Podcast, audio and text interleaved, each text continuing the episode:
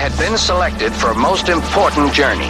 I was to help fulfill the destiny of the two great ones, Bill and Ted. Wild stallions rule!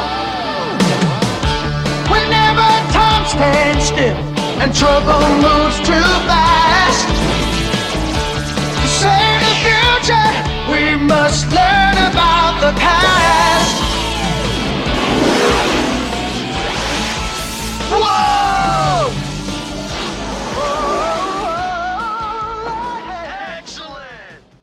שלום לכל המאזינים וברוכים הבאים ל-1989 פודקאסט, מיני סדרה מבית עין הדג, שבה בכל שבוע אנחנו מדברים על סרט אחר משנת 1989. אני תום שפירא ואיתי כתמיד, יהונתן צוריה. ואיתנו לא כתמיד. אביעד שמיר. אביעד שמיר, זה שם שלא שמעתי מזה שנים רבות. Uh, למי שלא יודע, אני. ואביעד היינו ביחד בפודקאסט uh, קולנוע בשם שורה שנייה באמצע ששרד כמה? שניים, שלושה פרקים? שש שנים וחצי, זה 300 ומשהו פרקים. אוף. ורובם היו מאזינים. אני, אני לא בטוח. אני, אה, אה, מה שנקרא בוויקיפדיה citation needed. כן, גם עשינו לעין הדג פודקאסט קצר, לסרג'ו פניטה. לא טעית. אה, אז, זה, זה גם צריך לבדוק. הסרט שלנו להשבוע, לפרק זה, הוא אחד, או שתיים האמת, הוא Bill and Ted's Excellent Adventure. מה, מה זה נקרא בעברית? ההרפתקה המצוינת של ביל וטד? כן, אני לא הצלחתי להבין אם זה הופץ בארץ או לא, כי אני יודע שההמשך הופץ, אבל הסרט הזה ספציפית אני לא בטוח. כן. בטלוויזיה הוא נקרא הרפתקה המצוינת של ביל וטד. כן, אה, הסרט יצא ב-17 לפברואר 1989, זה, זה היה שבוע מאוד עמוס. אה, באותו השבוע אייתולה חומייני הוציא פתווה נגד סלמן רושדי על אה, פרסום אה, פסוקי השטן. שובר קופות נהדר, כן. כן, מוזר שעדיין לא היה לזה סרט, והסובייטים עזבו את אפגניסטן, ומאז אני מאמין רוסיה לא התערבה בגבולות של אף מדינה אחרת. כן? כן, היה כן, מאוד שקט, כן. כן, כן. כן. וזהו, כן, זה, זה כל מה שקרה בשבוע הזה, ויצא סרט אה, קטן, שאני לא חושב שמישהו ציפה ממנו להרבה, והוא נהיה איכשהו franchise. אני, אני לא יודע אם הם ציפו לזה. אה, הסרט בוים על ידי אה, סטיבן הרק, ונכתב על ידי אה, קריס מתיסון ואד סלמון, ובסרט משחקים אה, קיאנו ריבס, אה, שמישהו יעשה סולו גיטרה בבקשה, באוויר. תעשה אלכס ווינט. אפקט כזה. כן, אלכס ווינטר, עוד סולו גיטרה בבקשה באוויר. כן, ורוברט וי בארון, טרי קמילרי, קליפורד דייוויד, אל ליאונג, רוד לומיס, דן שור, כאילו, יש שם עוד אנשים, אבל זה בעיקרון המופע של קיאנו ואלכס, כאילו. ויש איש אחד נוסף מאוד חשוב. יש, כן. ג'ורג' קרלין. מאוד חשוב. כן. מי? ג'ורג' קרלין. ג'ורג' קרלין, נכון, נכון. שלכבודו לא נעשה סולו גיטרה, אבל נגיד shit piss fuck cunt, חסר לי כמה מילים. אני זוכר שהפודקאסט הזה היה דיבורים על זה שהוא יהיה בטוח לכל המשפחה, ולא הייתי צריך ללחוץ על ה explicit כשהעליתי אותו, כדי שלא יורידו אותנו, אבל החלומות האלה נגוזו. מי יוריד אתכם? מי? אה, המועצה העליונה בעתיד של סן דימאס, אני לא יודע. שלושת האנשים החשובים ביותר בעולם? שני, שני רובוטים מרושעים שדומים לנו במקרה. אה, אביעד, אתה רוצה להגיד להם על מה הסרט? יונתן יגיד להם על מה הסרט? אני אגיד להם על מה הסרט? נצליח להביא איכשהו לחיים את אה, הקומיקאי המנוח ג'ורג' קרלין שיגיד לנו, להם על מה הסרט? בוא לא. נעשה קודם כל את ג'ורג' קרלין. אוקיי. לא אבל. אני אגיד? בבקשה. לך זה. יהיו ספוילרים. אוקיי. אה, הסרט, אה, הסרט מתח- מתרחש ב-1988, מה שטכנית הופך אותו לסרט תקופתי, אני חושב. שנה לפני שיצא. ביל וטד הם שני תלמידי תיכון, שהראש שלהם הוא יותר בלהקים להקה בשם ויילד סטליאנס, למרות שהם לא יודעים לנגן. הם צריכים אה, לעבור, אה, להציג עבודה בהיסטוריה, אחרת הם ייכשלו, ואם הם ייכשלו, יקרו שלושה דברים מאוד מאוד רעים. אחד, זה שטד יישלח לפנימייה צבאית, כי אבא שלו הוא מאוד מאוד קשוח. הדבר השני זה שהם יצטרכו להיפרד, כי הם כבר לא, הם כבר לא יגורו כל כך קרוב ולא יוכלו להקים להקה. ויש גם את העניין שכל הציוויליזציה העתידית שמסתמכת על המוזיקה שלהם לא תתקיים, שזה קצת בעיה. אז כן, אז שלושת האנשים החשובים ביותר בעולם, שהם המנהיגים של האנושות, או, או מה שלא יהיה הגרסה של האנושות שם אה, בעתיד, שולחים בעזרת מכונת זמן שמשתלבת נהדר בנוף המודרני, את הטלפון, הם שולחים את רופוס, שזה ג'ורג' קרלין, שיעזור לביל וטד לעשות את העבודה בהיסטוריה כמו שצריך. הם, אה, יש להם עכשיו את היכולת לנוע בזמן, ולכן אה, נפתחת בפניהם גם האפשרות להביא כל מיני דמויות היסטוריות שידברו על החיים המודרניים דרך העיניים שלהם. זה סרט מאוד עמוס שלא מרגיש עמוס, כאילו הוא רק 90 דקות, ובזמן כן. הזה יש לנו את ההצגה של הדמויות, את ה... של הסטטוס קוו שלהם, ההסבר על העתיד, יש לנו כמה וכמה סקשנים של מסע בזמן שהם עושים כל מיני דמויות היסטוריות, כאילו אנחנו מבקרים את uh, נפוליאון בונפרטה, את בילי הנער, את סוקרטיס, סיגמון פרויד, גינגיס חאן, uh, ז'אן ג'ון דארק. כן, ז'אן דארק, אה, ואז יש לנו סצנות בהווה, הם מביאים את כל הדמויות האלה איתם להווה והם מתפרעים שם, ואז יש לנו את הסוף של ההצגה של עבודת ההיסטוריה שלהם, שעליה, יש סוף טוב חבר'ה, הם זוכים לציון עובר. הם אומרים איזה זה ציון הם קיבלו בסוף? זה יותר, זה- לא, הם חייבים A פלוס בשביל לעבור. חייבים לקבל 100, כאילו חייבים את הציון הכי גבוה. כן, אני חושב שהם קיבלו. ההשלכה היא שהם קיבלו, כן. כן. כל זה ב-90 דקות, כאילו, זה סרט שנראה כאילו אמור להיות נורא נורא פרנטי, ואיכשהו, אני חושב שזה בעיקר בגלל האנרגיה של הדמויות הראשיות, כאילו, הוא תמיד מרגיש לייד אאוט. זה אנשים שגם כשהם צריכים להיות הכי ממהרים בעולם, לא ממש יכולים להביא את עצמם מנטלית לבוא נרוץ דרך זה. תראה, אחד מהדברים שלדעתי זה הקסם של כל ה franchise של ביל וטד, זה שהם מתנהגים אחרת מאיך שאתה מצפה שהם יתנהגו. זה סוג של, זה סטלנים בלי בדיחות סמים, בערך. זה סרט על, אה, על slackers שלא מפסיקים לעשות דברים ומדברים בשפה גבוהה, ויחד עם זאת גם בסלנג שהוא מאוד של אה, קליפורניה של שנות ה-80. יש איזה משהו שהוא פשוט, יש לסרט הזה שפה משלו, ויחד עם השפה הזאת מגיע גם קצב משלו. ואחד מהדברים שאני מאוד אוהב זה שכמה שקורים שם דברים מוזרים. בסרט הזה הם מביאים דמויות היסטוריות, הם מגיעים לכל מיני מקומות מעבר, הם פשוט אומרים, אנחנו מהעתיד, ואומרים, מקבלים את זה, אוקיי? שני אנשים מהעתיד. ואומרים, כן. אה, זה נפוליאון, הוא מאוד חשוב, תשמור עליו ותיקח אותו לקניון או משהו שיעביר את הזמן. אומרים, טוב, ניקח את נפוליאון לקניון, מה, אין מה לעשות, נאכל גלידה. וגם בסרטי המשך יש, יש את הגישה הזאת, ששם פשוט אומרים שמשהו קורה ולא מתחילים להתעכב על זה, לא מתחילים להסביר דברים, לא מתחילים לומר, אה, אבל זה לא הגיוני, זה לא יכול להיות, אלא פשוט אומרים, אוקיי, אז זה המצב עכשיו, בואו בוא נזרום עם זה. כן, אני רוצה לציין שזה אמ, סרט שנוקט באיזושהי גישת 12 קופים למסע בזמן, אבל הפוכה. כלומר, בעצם כל מה שקורה בביל וטד קרה ויקרה באיזשהו מעגל כאילו קסמים כזה, ואין להם שליטה ואין להם רצון חופשי, אבל במקום כזה סרטים יותר מדכאים לגבי זה, כמו 12 קופים, שזה כזה, אה, אז הגורל הרע שתמיד הלך לקרות קורה, הם משתמשים בזה ככלי עלילתי לכזה, אנחנו צריכים את המפתחות של הכלא. היי, אם נעשה בעתיד את המפתחות של הכלא, יהיה לנו את זה עכשיו כאן. כן, ואז זה קורה, והם פשוט צריכים לזכור לעשות את זה בעתיד. וככה הם יכולים כאילו, העתיד קבוע בגלל העבר, אבל העבר קבוע בגלל העתיד, ואין שום דרך להתייחס לזה ברצינות, כאילו זה מעבר לפרדוקס, זה שטויות מוחלטות, אבל זה עובד, וזה נורא כיפי, ובגלל, כמו שאתם אומרים, שלא מצופה מהסרט שיהיה חכם, אז אתה מאוד זורם עם הרבה שטויות שקורות. כלומר, יש סצנה בימי הביניים, שמביאים את ביל וטד לגיליוטינה, ואז במקום שיערפו להם את הראש, מתברר שזה סוקרטס ובילי הנער שהתחבאו כאנשים בגיליוטינה והם מחלצים אותם. למה בילי הנער וסוקרטס היו שם? איך הם התחפשו? מה הוביל לתהליך הזה? זה ממש לא משנה, לאף אחד לא אכפת, הכל טוב, הלאה לסצנה הבאה. אה, גם יותר מזה, איפשהו באזור הזה יש שם שני אנשים שהיו במקור המוציאים להורג, ואין להם, או שהם אה, אה, גרמו להם לאבד את ההכרה וגנבו להם את הבגדים, או שאיכשהו מישהו גרם לזה שיהיה את הבגדים האלה דווקא אצל בילי, בילי הנער וסוקרטס. משהו קרה, אבל כן. כל הדבר הזה שקרה, קרה מחוץ למסך. והאמת... ואגב... כן, טוב שכך, אגב. כי זה היה מאוד מאוד מסובך.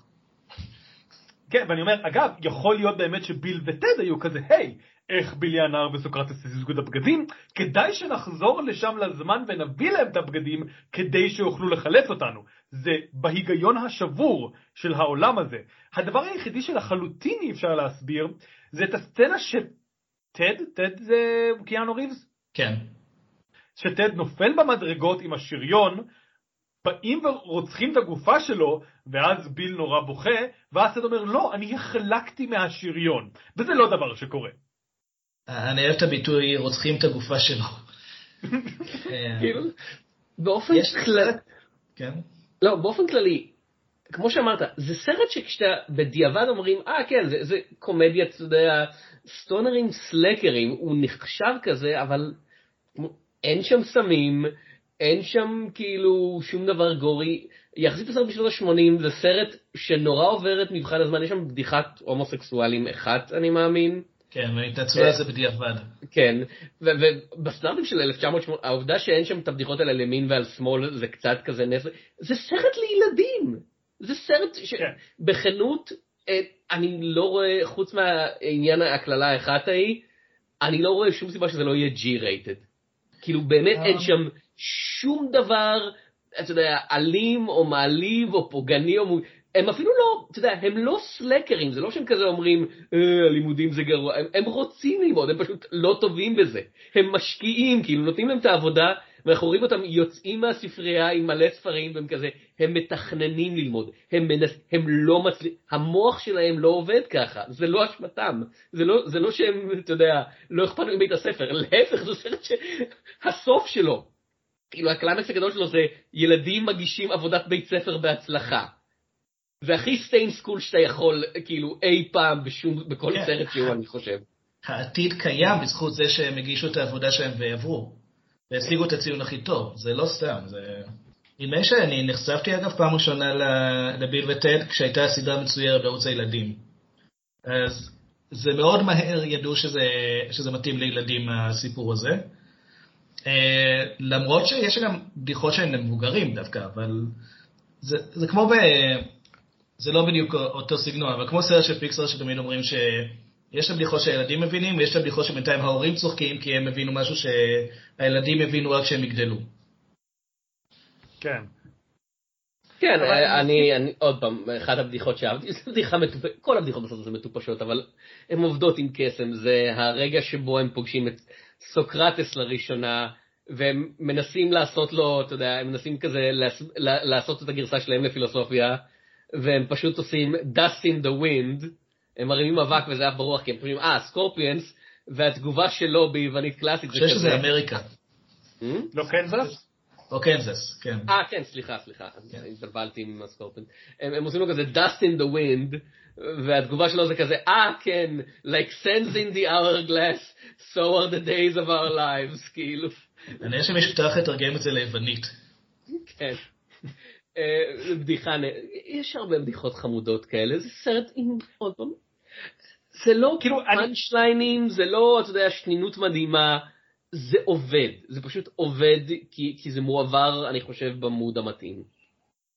כן, זה קצת באיזשהו מקום ה...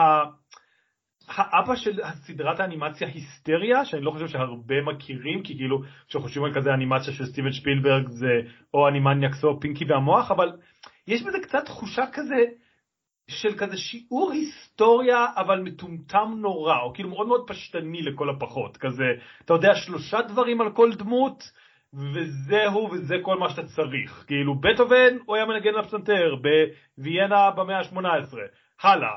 כאילו, שיעור היסטוריה מאוד מבלבל, אמ, ואני אגיד גם, אתה דיברת על העניין של סרט ילדים, זה באמת מאוד תחושה שקצת כזה, סרט של איך ילדים מדמיינים מבוגרים, אז כזה, כן, מבוגרים אוהבים בנות, אבל הם גם עושים כאילו, זה לא סרט חרמני, זה סרט שכזה, כן, מבוגרים כל הזמן רוצים להיות, כאילו, האח הגדול שלי תמיד רוצה להיות עם בייבס, אבל כזה זה נשאר ברמה הזאת, יחסית. יש את האימא שלו, שקצת יותר, כאילו, יש סביבה דברים כאלה, אבל ממש לא באופן, אה, כאילו, בוטה כמו סרטים אחרים, בטח בשנות ה-80.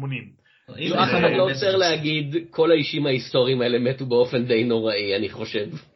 ג'יימס כזה, חאן הוא אף- היחיד שמת בזקנה מכל האנשים האלה, נראה לי. לא, הוא, היה לו איזה אולקוס או משהו ממש רציני. כן, רפואה- של התקופה ההיא, כן. שפרויד מת בנסיבות טבעיות. כאילו, אף אחד לא עוצר ואומר, יש לנו הזדמנות להציל את אברהם לינקולן, אגב, כאילו עתיד טוב יותר. כן. לא, לא, לא. למה צריך? תראה, שוב, זה, באיזשהו מקום אתה מדמיין כאילו אחרי שהסרט הזה נגמר, הוא כזה אומר, וואלה, הייתה לי הרפתקה מאוד מאוד מעניינת שם. היה מאוד כיף בתיאטרון שהם לקחו אותי אליו. "Hmm, אולי אני אלך לתיאטרון, כן, כן.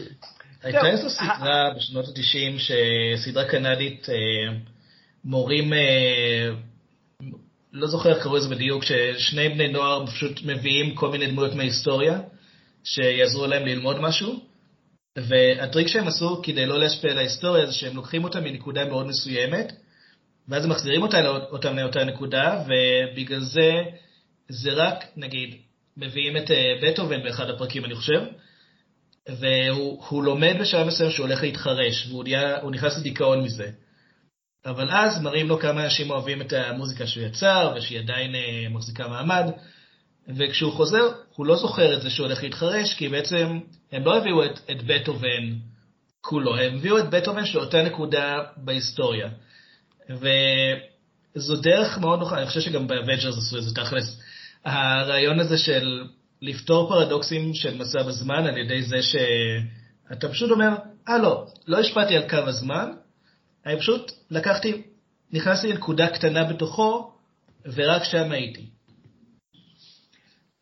כן, אני אגיד גם, שוב, אני, כאמור, תפיסת הזמן בעולם של ביל וטד היא באמת כזאת מעגלית, אז כלומר, זה מעבר לאף אחד לא אמר לאברהם לינקולן, זה באמת כאילו, העובדה שסוקרטס היה בסן דימאס השפיעה על סוקרטס, ואנחנו רואים את זה עם סוקרטס הכי ברור, כי כאילו נראה שיש לו איזה תובנה, אבל כאילו כל הדמויות האלה והדברים שקרו להם, קרו בגלל ביל וטד. אז זה לא רק שביל וטד יצרו את העתיד, ביל וטד יצרו את העבר, או חלקים משמעותיים ממנו. אבל שזה, יש איזו שאלה אחת שתמיד בכל הסרטים בסדרה יש, תמיד מישהו צריך להציל את העבר. זאת אומרת, בסרט הזה, רופוס בעצם צריך לחזור כדי לעזור להם אה, לקבל ציון, אה, ציון טוב בהיסטוריה. אבל הוא נשלח מהעתיד כדי לעשות את זה, הוא בעצם נשלח לעבר כדי להבטיח את הקיום של העתיד. ואז בסרטי ההמשך גם כן, רואים שכל פעם מישהו מהעתיד חוזר לעבר כדי לנסות לשנות את ההיסטוריה. והייתי מצפה קודם כל שהם ילמדו לקח, אבל משום מה העתיד משתנה. זה עוד פעם, מהדברים האלה שאנחנו פשוט מקווים שהם קורים במהלך הסרט, כי לך תיכנס עכשיו לכל ההסברים. אבל, אבל באמת- רק בסרט השני העתיד משתנה, לא? כלומר, אני מסכים איתך לא, שבסרט בשלישי הראשון... הוא שונה לגמרי. אה, טוב, אתה מצטער, כאילו, לא ראיתי את השלישי, אני דיברתי כאילו, אני אומר שבסרט הראשון אין לנו תמונה כזה בחזרה לעתידית, אוי לא, העתיד מהבהב, כאילו, שוב, התפיסת זמן היא לא הגיונית, היא פרדוקסלית לחלוטין, אבל תפיסת זמן היא די, תמיד רופס הלך לעזור להם לחזור בזמן, תמיד ככה, תמיד ככה, מה שהיה הוא שיהיה, באופן בלתי אפשרי. בסרטים האחרים, כאמור, ראיתי רק את השני, את השלישי, הביקורות קצת הרתיעו אותי. שישי זה לדעתי. יכול להיות, אני לא, כאמור, אה, פשוט לא ראיתי. אמ, אז זה מאוד, אמ, אז כאילו כן, אז עוברים לתפיסת זמן שונה של טוב, אתה יכול להשפיע על העתיד ולשנות אותו. יש לי שאלה, מה קורה בסדרת האנימציה בערוץ הילדים? או כאילו לא בערוץ הילדים, אבל כאילו על סדרת האנימציה כן, זה הסדרה שהופקה רק לערוץ הילדים הישראלי, כן. עם- עם עם קיאנו ה- עם ריבס. דובבים המקוריים, עם השחקנים המקוריים בתור מדובבים. לפחות בעונה הראשונה. בעונה השנייה אני מאמין שהחליפו את קיאנו, שכבר נהיה גדול מדי כן. בשבילם. אני ראיתי את, ה... ראיתי את הסדרה כשהייתי ילד, ולקראת ההקלטה ראיתי מחדש את אחד הפרקים, שבמקרה זה גם פרק שיחסית זכרתי, אמ, שהם צריכים אה, ללמוד על תעודות המוזיקה, והם מביאים את מוצרט, אבל מוצרט עדיין ילד, אז הוא עדיין לא נהיה, אה, הוא עדיין לא, כאילו ילד אפילו ביח- ביחס למוצרט. אז הם נוסעים ל-1950, משהו ופוגשים את לידר ריצ'ארד, שבדיוק הופך למוזיקאי. ויש שם, אה, בסופו של דבר, אה, אני חושב שהם די מתעלמים מכל הקטע של מה קורה אחרי זה. זה די, כל פרק פשוט, יש להם משהו בבית ספר או בחיים הפרטיים שלהם שהם צריכים לפתור, ואז אה, הם חוזרים לעבר, פוגשים דמות מסוימת, לומדים מזה. יש גם סדרה שהפיקו, אני לא רוצה לציין שאני לומד שליטל ריצ'ארד גילם את עצמו. זה, האמת הוא הסתובב באזור, גם שר את שיר הנושא של אוטובוס הקסמים, אז אה, היה זמין. כן. יש, אה, הייתה גם עוד סדרה שהיא החזיקה מעמד אפילו פחות זמן, רק אה, איזה חצי עונה, שהיא הייתה לא מצוירת עם שחקנים אחרים. אה, ראיתי, סרט, אה, ראיתי פרק אחד מתוכה, ששם רופוס הוא זה שחוזר אחורה בזמן כי, כי הוא מרגיש שמשהו לא טוב הולך לקרות. אז שם קצת יותר ניסו לשחק על הרעיון של קווי זמן מקבילים, כי הוא גורם למעשה שינוי בקו הזמן, אבל לא ראיתי מספיק מזה כדי לדעת כמה הם נכנסו לעומק. לדעתי כאילו, זה גם עניין של תקציב. אתה לא כל כך רוצה לראות את הדמויות האלה מגולמות על ידי שחקנים אחרים, כאילו, אתה באופן ספציפי ונראה לי שרוב האנשים שמתעניינים בביל וטד, והסדרה מצוירת והקומיקסים עובדים כי מצויר זה אבסטרקציה מסוימת, כאילו, הם לא נראים כמוהם בסדרה המצוירת בדיוק, הם, הם, נראים, הם נראים קצת יותר כמוהם מאשר. כן, הם נראים קצת יותר כמו השחקנים מאשר נגיד, אתה זוכר הסדרה המצוירת של Real Ghostbusters, שבה הדמויות נראו שונות לגמרי, כן. בעיקר כי הם לא רצו לשלם על likeness rights, אני מניח. אז פה הם קצת יותר דומים, אבל זה עדיין לא אותו דבר. ואתה רוצ, אתה לא רוצה לראות שחקנים אחרים משחקים את זה, זה לא בטמן או ג'יימס בונד, זה אינדיאנה ג'ונס, זה כזה... זה הם, כאילו זה אלכס ווינטר וזה קיאנו ריבס, זה לא דמויות אייקוניות שיכולות פשוט, אתה יודע, מישהו אחר ישים את המסכה. אתה לא רוצה את זה. לקח כמה? אה, 30 שנה עד הסרט השלישי? כמעט, כן. כי- לא, אתה יודע, ואני בטוח שזה הוליווד, אז אנשים דיברו בטח על כזה, אה כן, בוא נעשה ריבוט, רימייק, אה, פה, שם או שם ופה, וזה לא היה עובד. כן. כאילו, לא כמה, הסכים כמה שהסרט השלישי עובד או לא עובד, זה היה עובד אפילו פחות אם הם היו מנסים לעשות זה גרסה אחרת, כאילו. כן, זה אד סולומון לא, לא הסכים לעשות את זה עם אחרים. הוא, כן, זה די ה... הוא ו... אמ, איך קוראים לו? אה, קריס מ- מתיסון. מתיסון, כן. הם, הם פיתחו את זה עוד לפני שהיה להם בכלל, אה, עוד לפני שהיה להם בכלל איזשהו דיל עם אולפן. וממה שקראתי, התסריט המקורי היה מאוד מאוד אה, שונה. פשוט כל, הם פשוט הורידו מלא דברים כדי שזה יהיה סרט של שעה וחצי. אה, ואז כשהם רצו לעשות סרט המשך, אז אה, המשיכו, אוקיי, הם המשיכו לעבוד ביניהם, אמרו ככה, אוקיי, נגלגל את הבדיחות, מה שיש. ואז פשוט באמת, קיאנו ריבס נהיה כוכב יותר מדי גדול בשביל שהוא יהיה זמין באותה, אה, יהיה זמין כמו בהתחלה. וזה פשוט התגלגל והתגלגל והתגלגל. בסוף אני חושב שקיאנו ריבס ואלכס ווינטר הם אלה שהצליחו לגרום לזה לקרות ל- לסרט שלישי. כי הרעיון היה כל הזמן, היו כל מיני רעיונות, וכל הזמן זורקים דברים, מכניסים, ו- אה, עד שהם מתחילים, עד שמצליחים לגבש. ואז זה עוד פעם נתקע כי יש בעיות בלוח זמנים, או קשה להשיג מימון, כי עברו כבר 20 משהו שנה, אז האולפן לא חושב שיש, אה, שיש לזה קהל. אז זה באמת, אה, עצם זה שקיים סרט שלישי, והוא בערך עם אותם אנשים מאחורי הקלעים, זה כבר די נדיר. וכאילו, אני חושב, אני חושב שהוא פחות מוצלח מהשניים הראשונים, אבל הוא עדיין, הוא נעשה באותה רוח. מרגישים את זה שהיה להם מאוד חשוב לשמר את, ה, את הדמויות, למרות שבפעם הראשונה בסרט השלישי אנחנו רואים גם גרסה אה, לא נחמדה של ביל וטד, שזה ביל וטד מהעתיד, שמאוכזבים אה, מאיך שהחיים שלהם נהיו. מהעתיד כולנו. מההווה. מהעתיד, כאילו, מהעתיד של הסרט גם. מהעתיד שלנו. אוקיי. אה, בוא, באמת, אני, אד סולומון, אה, זה מקרה כל כך מעניין של בן אדם שאחראי ל...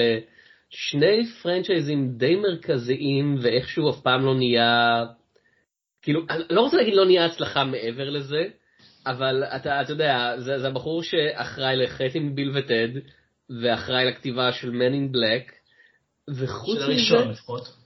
כן, הזיק... מי, אתה יודע, האחד שלאנשים אכפת ממנו, עם כל הכבוד. כן. ו- ומעבר לזה באמת, לא נראה ששום דבר תפס במיוחד, כאילו. ככה אתה מדבר על סופר מריו בראברס? נכון, הוא היה- הוא היה שם. ככה אני מדבר על סופר מריו בראדרס, כן, אני, אני, אני מעז להגיד את זה על Mom and Dad Save the World, ועל uh, Now אוקיי, אבל זהו, יש לו עוד שני חצי זיכיונות, שזה מלאכיות של צ'ארלי והאשליה, שלשניהם היו סרטי המשך, וכאילו מלאכיות של צ'ארלי זה לא מה שהיה שלו, כי זה היה מהטלוויזיה, אבל הסרט הצליח מספיק לעשות סרט מספר 2. מה, מה הקסם של אד סולומון? כאילו, מה, מה עובד בשני הדברים האלה? כאילו, אני רוצה, אני רוצה לשאול אתכם. אני מניח שפשוט זה משהו שמגיע יותר ממנו, ממשהו שיותר אישי עבורו. הוא...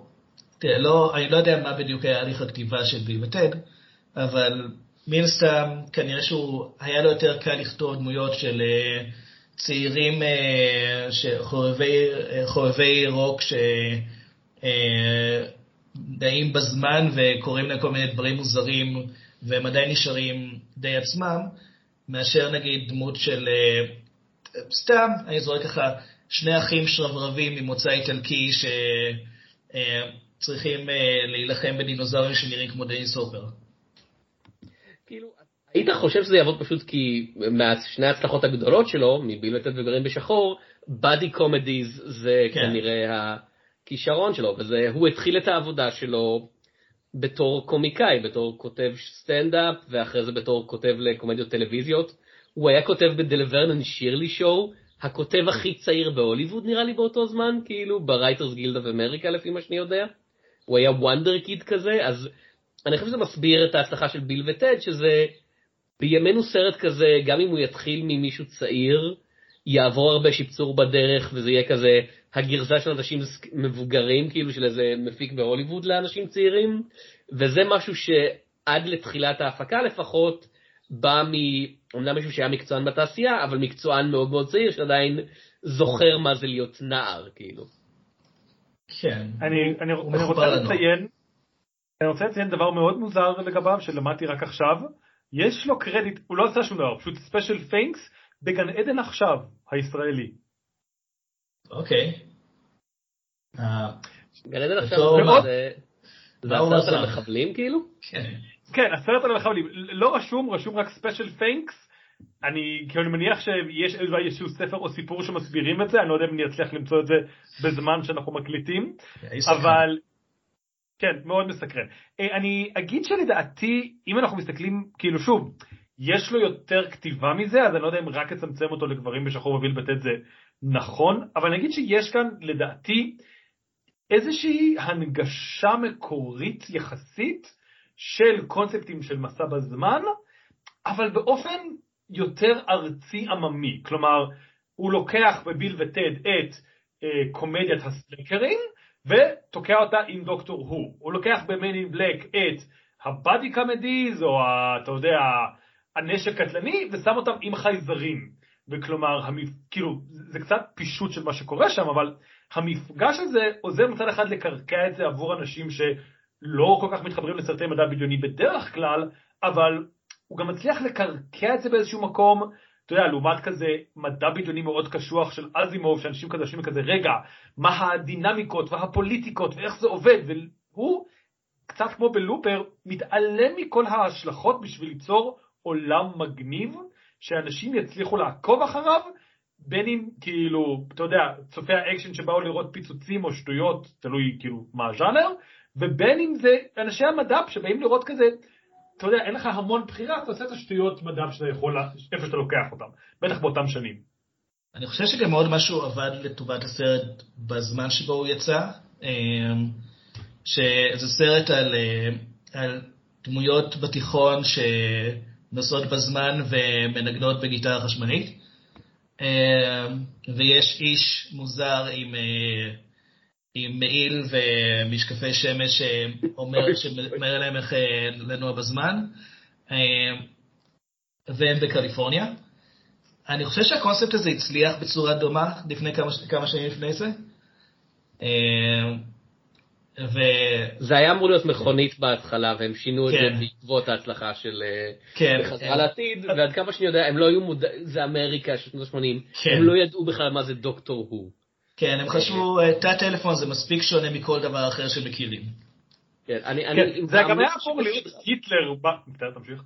נכון. לא, אני מאמין שבסדרת הקומיקס אה, שיצאה אה, אחרי הסרט, יש איזו בדיחה של, כן, רופוס איבד פעם תא טלפון באנגליה, ואיזה מקומי גנב לו אותה. מקומי. כן, שהם כאילו, אה, דוקטור הוא גנבו מהם לכאורה. כן. זה משעשע. כן, אני רוצה לדבר על זה. נפוליאון היה אמור, כאילו זה מבלבל משפט. הדמות של נפוליאון לא הייתה אמורה להיות נפוליאון, והוא היה אמור להיות היטלר, וזה היה נהיה סרט מאוד שונה אם זה היה היטלר. אמ, אני חושב שבישראל הוא היה מצליח, אבל אני לא מדמיין את הקהל בארצות הברית בא לראות את היטלר. עושה, מתגלש במגלשות מים ואוכל גלידה ועושים לו אוינקי אוינקי פיג. כי כן. כאילו, אנחנו, אנחנו, אנחנו לא יודעים, יש הרבה, יש הרבה מדינות שבהן ג'ינגיס חאן הוא לא בחור נחמד, במיוחד נחשב, אני מניח. כן, אבל הוא אבא של חצי אסיה, אז אה, יש לו קשרים. יש לו קשרים. אנשים רואים את הסרט כזה, אבא! אמ, אני כאילו, גם חלק מהבדיחה עם נפוליאון זה שהוא הולך לפארק מים שנקרא ווטרלופ. אז. עם- היטלר, כאילו, מה- מה בדיוק המקבילה של זה, כאילו... אייד, איידולף זה מקום שמגיש סטייקים.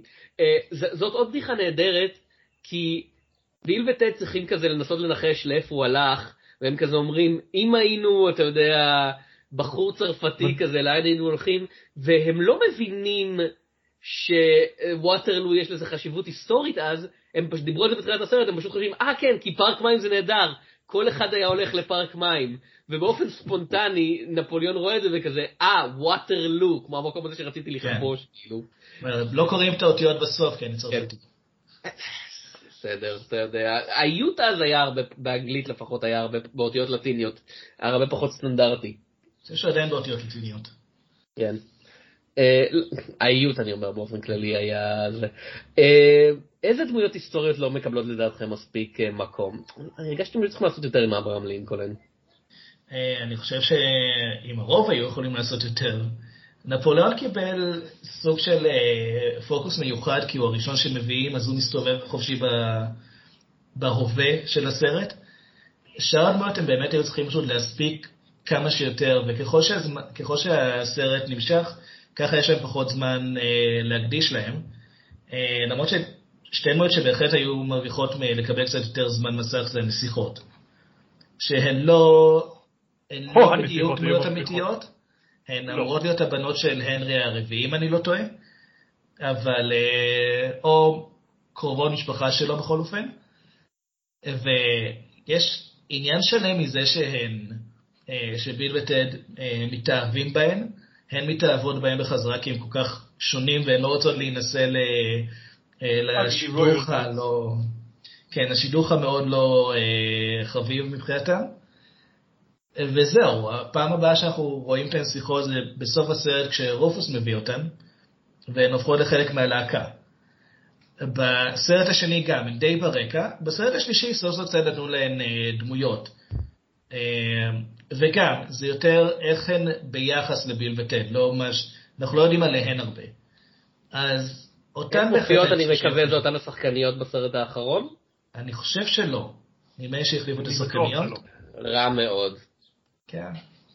הוליווד רע הסרט מאוד. היחידי נראה לי שכאילו הוא התחיל בשנות ה-80, עשה המשך ושמר את הדמויות הנשיות שלו, משום מה זה אה, מגלה את אמריקה. ובמגלה את אמריקה הם ממש השקיעו, יש שם דמות של חצי צנע ממגלה את אמריקה והם החזירו את אותה השחקנית. כזה, ואין לי הרבה דברים טובים לומר על מגלה את אמריקה 2, בכלל. אבל זה באמת היה ממש נדיר, כי גם ביל גם עכשיו הבבא שחקים מבריק, בכלליות, לרוב או כאילו מעלימים את הדמויות הנשיות המבוגרות, או מחליפים אותן ביותר צעירות, ופה, כדי אדי מרפי היה כזה, לא, מחזירים את כולם, למה לא, מה הבעיה? אני לא זכרתי שיצא בכלל בהמשך למגלה את אמריקה. אה, יצא זה מילה חזקה, הוא יצא בתקופת הקורונה רק באמזון, כאילו, אתה יודע, זה, סרטי סטרימינג, זה כזה, יכול לצאת הסרט הכי טוב בעולם, אבל אף אחד לא ידע על זה אף פעם. אני בעיקר בהלם שהם החזירו את ארסיניו הול. כן, כן. איפה מצאו כן. אותו? לא יודע. אבל הם כאילו, הם באמת החזירו את כולם. אם אנחנו לרגע, שוב נדבר על מגלה את אמריקה 2, הדבר הכי מבאס בסרט זה שהרי, אוקיי, מה הקטע של מגלה את אמריקה 1? אדי מרפי וארסיניו הול מגלמים את כולם. וזה מצחיק, וזו עבודת איפור נורא מרשימה, וכהנה וכהנה. ואז בסרט הזה היית כזה, אה, אז הם ייתנו לשחקנים חדשים לגלם את כולם. וזה לא קורה. שוב פעם רק אדי מרפי וארסניו הול מגלמים את כולם, והם מחזירים ממש את אותן דמויות שהם גילמו, גם אם אין שום קשר ושום סיבה שהם יהיו שם, אבל הם לא נותנים כזה לבן החדש של אדי מרפי תפקיד כפול. או כאילו, אני לא מדבר על משולש, פשוט לגלם עוד דמות אחת, וזה הרגיש לי כמו פספוס. אני אתן קרדיט ל... נחזור לביל וטד. שרוב הדמויות אה, שחוזרות הן חוזרות גם בסרט השלישי. אה, כאמור, שיחות מגלמות שחקניות אחרות, אבל הם מאוד... אה, זה תמיד, זה תמיד סובב סביב וטד, זה תמיד אה, הם. אבל כל פעם דמויות מסוימות מקבלות, מקבלות את הפוקוס קצת אחרת. בסרט השלישי, הבנות שלהם, הן פתאום נהיות דמויות הרבה יותר משמעותיות לסיפור, והן מתנהגות בדיוק כמו ביל וטד. שהרעיון הוא שבעצם ההתנהגות שלהם היא כל כך אה, משפיעה, שהבנות שלהם גדלו להיות פשוט גרסאות נשיות שלהם. אה, ובגלל זה העלילה בכלל יכולה לעבוד, כי יש להן את אותה גישה ואותה צורת חשיבה.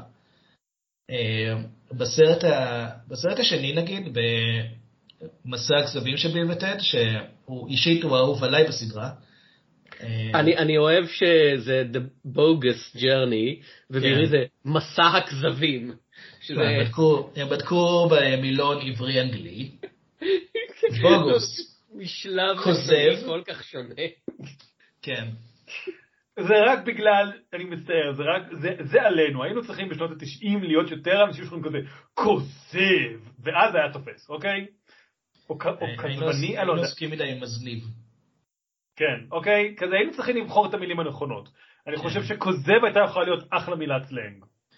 אז יש, יש בדיחות שחוזרות נגיד אה, עם אה, מיסי, שבסרט הראשון היא הייתה איתם בבית ספר כמה שכבות מעליהם, והיא נשואה ל- לאבא של, למי לאבא של ביל. בסרט השני היא נשואה לאבא של טד. בסרט השלישי היא נשואה לאח של טד. ויש שם קטע שלם שהם אה, בחתונה שלהם, והם מברכים, והם אומרים ש, אה, שאבא של טד הוא עכשיו הבן של עצמו, או משהו כזה, או הנכד של עצמו. כי הם עשו את כל הקטע של I am my own grandfather, והם למעשה פשוט הפכו, זה פשוט בדיחה חוזרת בתסריט. אה, וזה, יש, יש איזה משהו בזה שהם הם דאגו שיהיה לדמויות האלה, יהיה להן משהו לעשות, גם אם הן לא חשובות לעלילה. עדיין שאנחנו נדע מה קורה איתן. אה, וכמובן הם הסבירו למה רובוס לא נמצא בסרט השלישי, כי ג'ורג' קרלין אה, נפטר זמן מה לפני שהסרט אה, בכלל אושר להפקה. אה, אגב, תודה רבה למפיקים שהם לא ניסו להחזיר אותו בצורת CGI. כן, זה היה רע. כן, כן, כן, אז- זה, היה יכול לקרות. כן, אז קריסטין שאל מגלמת את הבת שלו, והיא זאת שעכשיו אה, אה, בעצם מזיז, מניעה את העלילה מבחינת המסע בזמן. אז זה כן, אני כן מעריך את זה שלא חשוב כמה זמן עובר, הם מנסים לדאוג שאנחנו יודעים מה קורה עם הדמויות, גם אם הן לא חשובות לעלילה. כן. בואו נדבר קצת, כי הפודקאסט אה, מתארך, על הדמויות הראשיות. אה, קיאנו ריבס. בתפקיד אה, קיאנו ריבס. כאילו, אני לא יודע עד כמה זה נכון, בתפקיד שנהיה מאוד אמבלמטי לקיאנו ריבס. אני קראתי בזמנו את הביקורת של רוג'ר איברט על פוינט ברייק, שזה היה סרט הש- ב-1991 מול מסע הכזבים, והוא אמר... מה שאתה אומר בזמנו כאילו קראת את זה כשזה יצא. כן. הוא אמר, הייתה תקופה שהייתי עובר פשוט על הארכיונים של רוג'ר איברט. הוא אמר, קיאנו ריבס הוא אחד השחקנים הכי מוכשרים ומגוונים בהוליווד, תראו אותו בשני תפקידים שונים לגמרי, כאילו, בפרק זמן כזה קצר. וכן, זה, זה היה כזה רגע של, כאילו, הוא משחק נער, צעיר ומבולבל, ואז בשני הוא כזה שוטר סופר אינטנסיבי, כזה מעשה ג'ין הקמני כזה. כן, ואז הוא היה בדרקולה, גילינו, ואז הוא לא, לא, זה לא הטווח הגדול שלו, זה פשוט, זה, זה שתי הקצוות של, אתה יודע, זה שתי הצדדים של אותה מטבע שהיא קיאנו ריבס. כן, ואז הוא היה בדרקולה, ואז הוא היה במהומה רבה לא דבר עשה שייקספיר. ואני חושב אה. שבשלב הזה הבינו, לא, הוא טד. הוא מתאים להיות טד. כאילו, לזכותו על דרקולה, פרנסיס פורד קופולה בכבודו ובעצמו אז אמר, זה לא אשמתו, הוא הגיע לסט, הוא היה השחקן שניסה הכי קשה מכולם, זה פשוט לא עבד לו, זה כזה, זה לא שהוא זרק, זה, זה לא רמז? זה, זה, זה קצת, האמת זה קצת כמו, כמו המקרה של, הנה הוא משחק פה את טד, של כזה, הוא כל כך ניסה, זה פשוט, לא- הוא מתאים לדברים מאוד מסוימים, כמו שטד לא מתאים להצלחה אקדמית, אלא לנגן גיטרה ולהציל את העולם, קיאנו ריבס מתאים לשחק סוג דמות מאוד מאוד מסוים. וכשנותנים לו את הדמות הזאתי, לזכותו ייאמר, הוא עושה עבודה מצוינת. ותכלס, יש הרבה שחקנים בהוליווד שהמנער שלהם הוא יחסית מוגבל. אה, יש סיבה שאתה יודע, עם, עם כל הכבוד רוברט דני ג'וניור, כל הדמויות המוצלחות שלו די רוברט דאוני ג'וניוריות.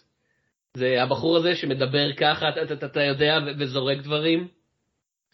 כאילו, הוא עדיין יהיה כוכב על, קיים, אבל כן. ש... יש גם את צ'פלין כן. וטרופיק טנדר, שזה די שונה. זהו, אני אני לא אגיד דוגמה אולי יותר מעוררת. מחלוקת. ג'ק ניקולסון הוא בסופו של דבר כמעט תמיד ג'ק ניקולסון, וזה כן. תמיד כמעט תמיד מרתק לצפייה. ג'ף גולדבלום. שף גולדבום מרתק לצפייה גם כשהוא לא משחק. כן. אני אומר, אה, כאילו, אני לא אבל חושב קיאנו שקיאנו ריבס הוא זה שחקן באמת- ענק. אני אני כן חושב שזה מראה את הכוח של ליהוק נכון, כאילו התפקיד הזה.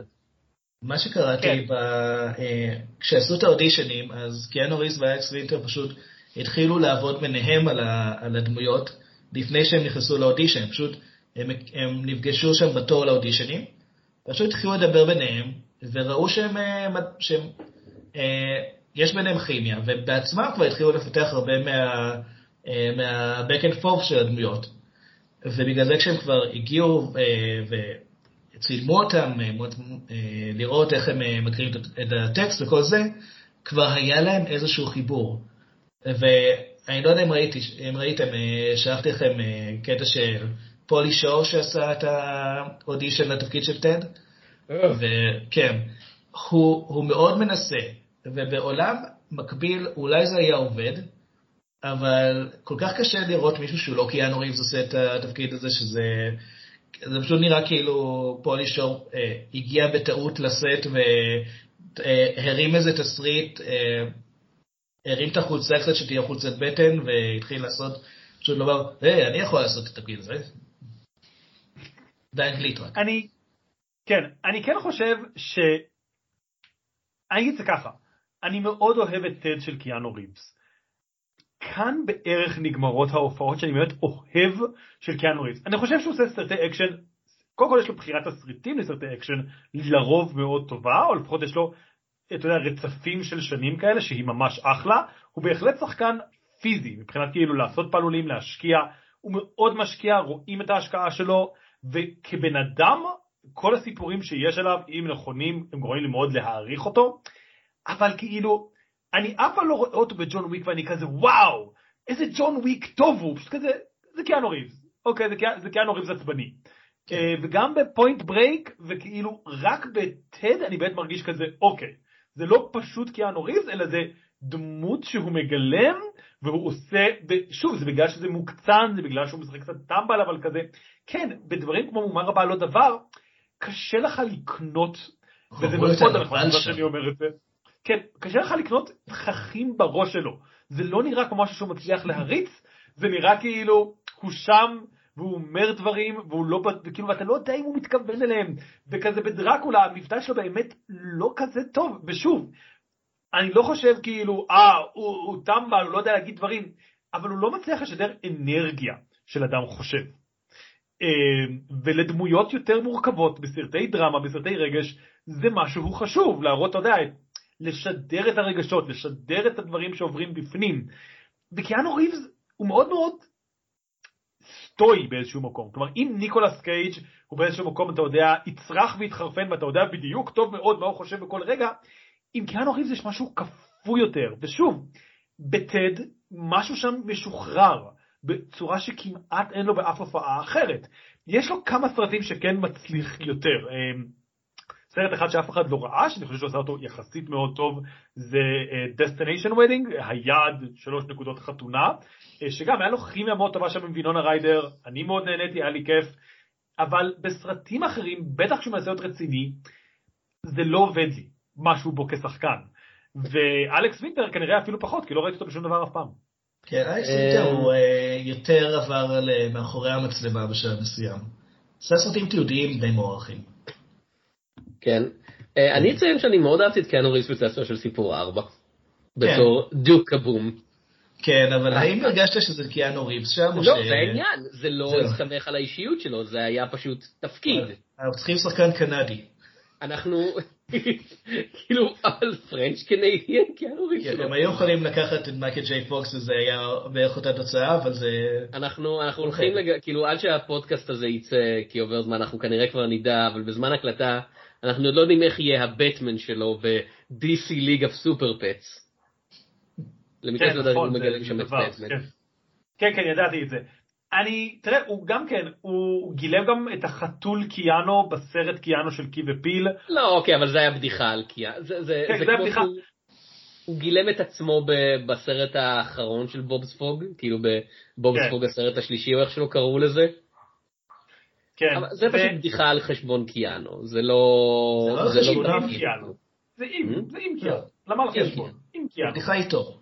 כן. כן. תרתי משמע, הוא אה, מופיע. כן, אז יש לו גם את הסרט שהוא בהופעת אורח, Always be my baby, אני לא בטוח איך קוראים לו.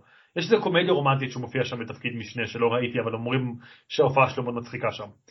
אמ, אז לא יודע, אני אישית בצעצוע של סיפור 4, הדמות חמודה, להגיד שאני הייתי צריך דווקא את קיאנו ריבס וזה מה שהרים את הדמות, אני נסוג מאמירה כזאת. זה, זה לא כמו קי ופיל שהם ממש היו הדמויות שלהם שם. כן, כאילו, צמד קומיקאים אחר בדמות הבני ורבט, זה היה מוזר, כאילו אני לא יכול לדמיין את זה. מישהו אחר בתפקיד כבום, בר דמיין, בר דמיון. אוקיי. טוב, אה, יש לנו עוד משהו להגיד על הסרט? אמ, אני, אני הזכרתי את ההמשכים, לכן יש משהו לומר עליהם? אני לא השלמתי את השלישי אף פעם, התחלתי לראות אותו והפסק, לא כי זה היה רע ממש, פשוט כי אני מתחיל ומפסיק כל כך הרבה סרטים, ופשוט לא המשכתי. זה גם קורה כשרואים דברים, אה, מה זה, בנטפליקס? כן, אני, אני אפילו לא זוכר, זה, זה היה גם בתקופת הקורונה אז בכלל, כאילו. אין לי, אתה יודע, אני מאוד אוהב את הסרט הזה, אני לא חושב שהוא סרט מושלם או משהו כזה, הוא סרט מאוד חמוד ומענה לצפייה, כנ"ל השני. אה, אין לי שום אהבה, אתה יודע, מיוחדת לזיכיון של ביל וטד, אני לא חושב שזה איזה קלאסיקה שהיה חייבים להחזיר אותה, אני שמח בשביל אלכס ווינטר, שאתה יודע, הוא, הוא קיבל עוד קצת עבודה, ובשביל האנשים היו, היו לי כמה חברים שהם כן כזה מאוד גדלו בזמן הנכון, במקום הנכון, כדי להיות מעריצים של ביל וטד, והם מאוד התלהבו מזה, אז אני שמח בשבילם שזה יצא.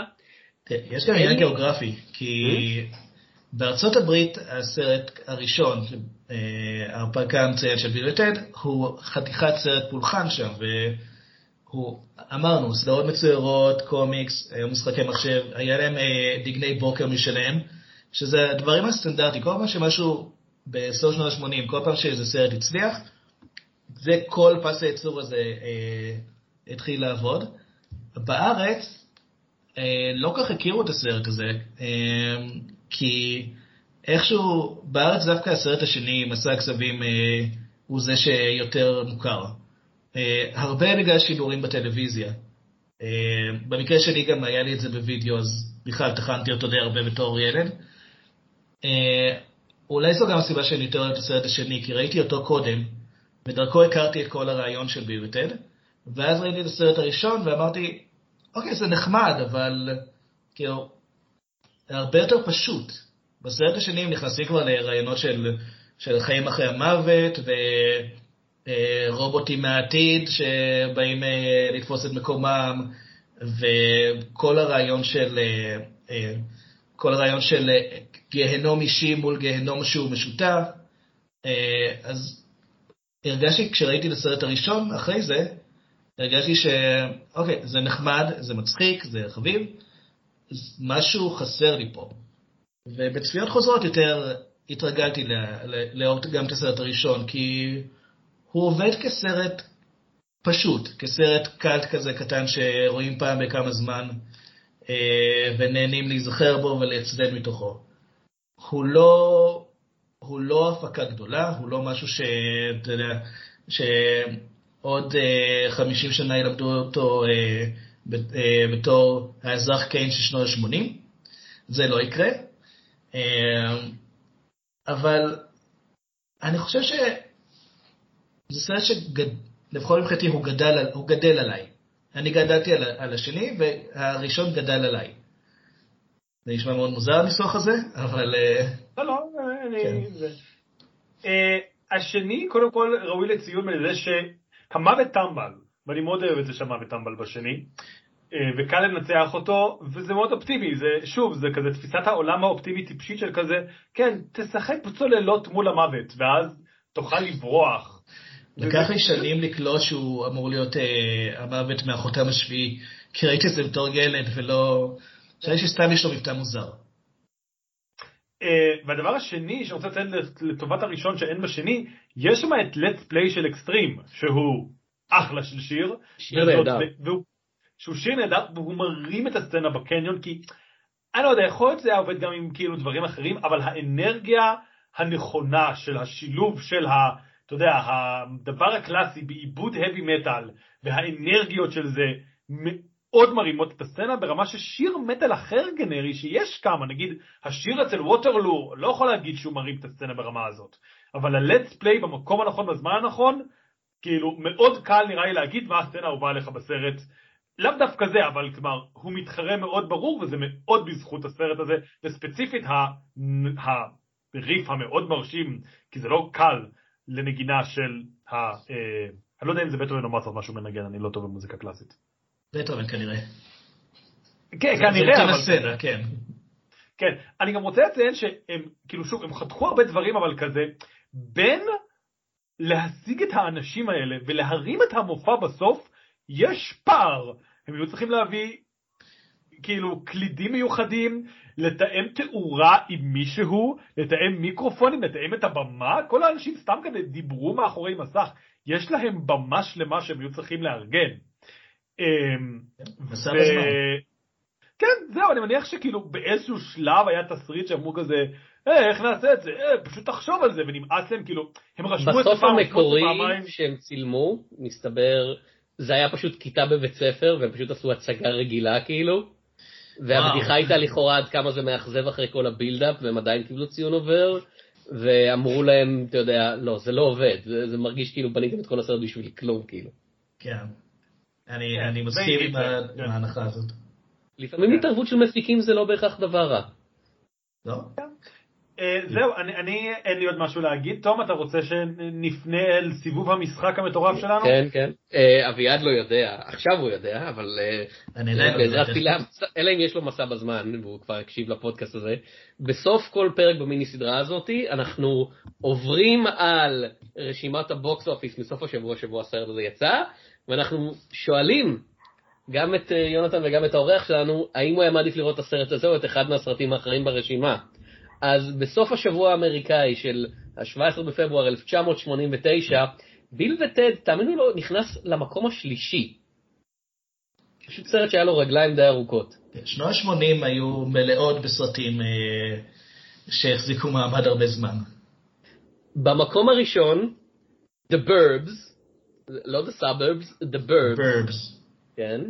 Uh, במקום השני, פוד, סרט שכבר הופיע בפודקאסט הזה כמה פעמים ויופיע שוב, כי פשוט זה סרט שההצלחה שלו נמשכה ונמשכה, ריינמן, איש הגשם, שהוא מקום מ-88 השלישי. בכלל במקור.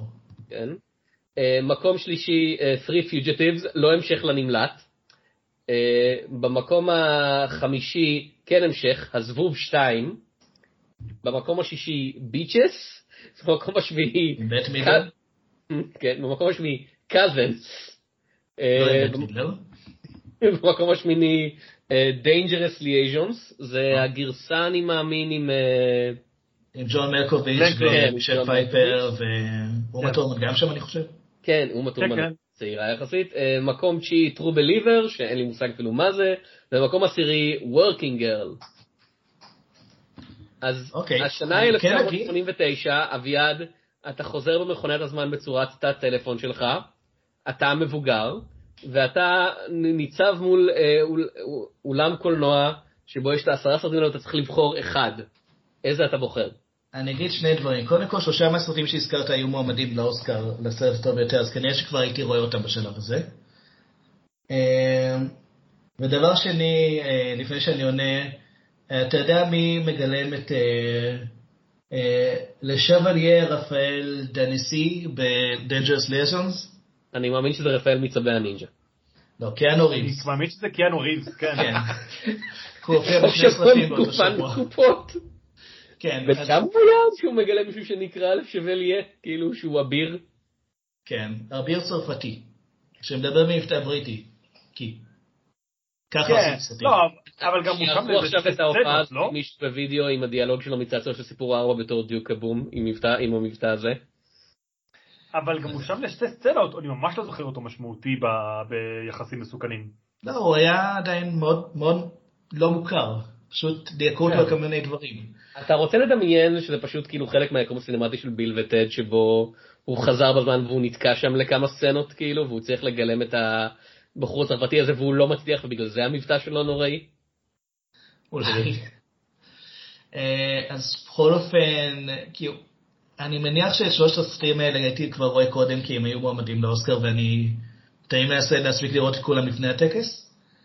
אה, על איזה סוף שבוע אנחנו מדברים?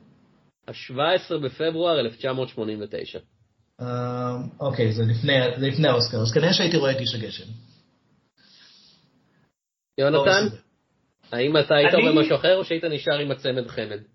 תראה, מהסרט, הסרט, הסרט הכי שאני אוהב שראיתי משם זה יחסים מסוכנים, שלדעתי אחלה של סרט לחלוטין, כאילו סרט מאוד מאוד טוב.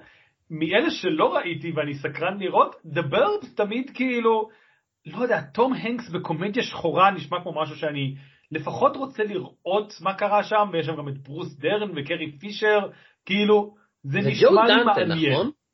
נכון, זה ג'ו דנטה. אה, במאי נהדר בדיוק שנות ה-80 ותחילת שנות ה-90, ואז ברגע שהתקופה שלו עברה זה כאילו מישהו קיבע את האורות. כן, כן. כן. גרסה, גרסה מצומצמת של רוב ריינר. תכלס, כן, אוף, רוב ריינר. כן. טוב, אה, אני מכל הסרטים האלה, עוד פעם, כנראה איש הגשם, אבל כבר הזכרנו אותו במיסטר הזאת כמה פעמים, אז אה, אה, Working Girl, יודעים מה? Working Girl. אני אני הולך אה. להשלים את זה.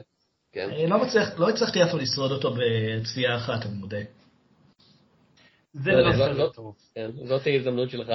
אה, זה היה 1989 הפודקאסט, אה, ההרפתקאות המופלאות של ביל וטד. אם נהניתם, אפשר לעשות לייק ושאר בוויקיפדיה, אפשר לחלוק את זה בטוויטר, אפשר לגשת לאתר שלנו לעין הדג ולרשום שם תגובות של היי, איזה מגניב זה, איזה פרק נהדר, ייי.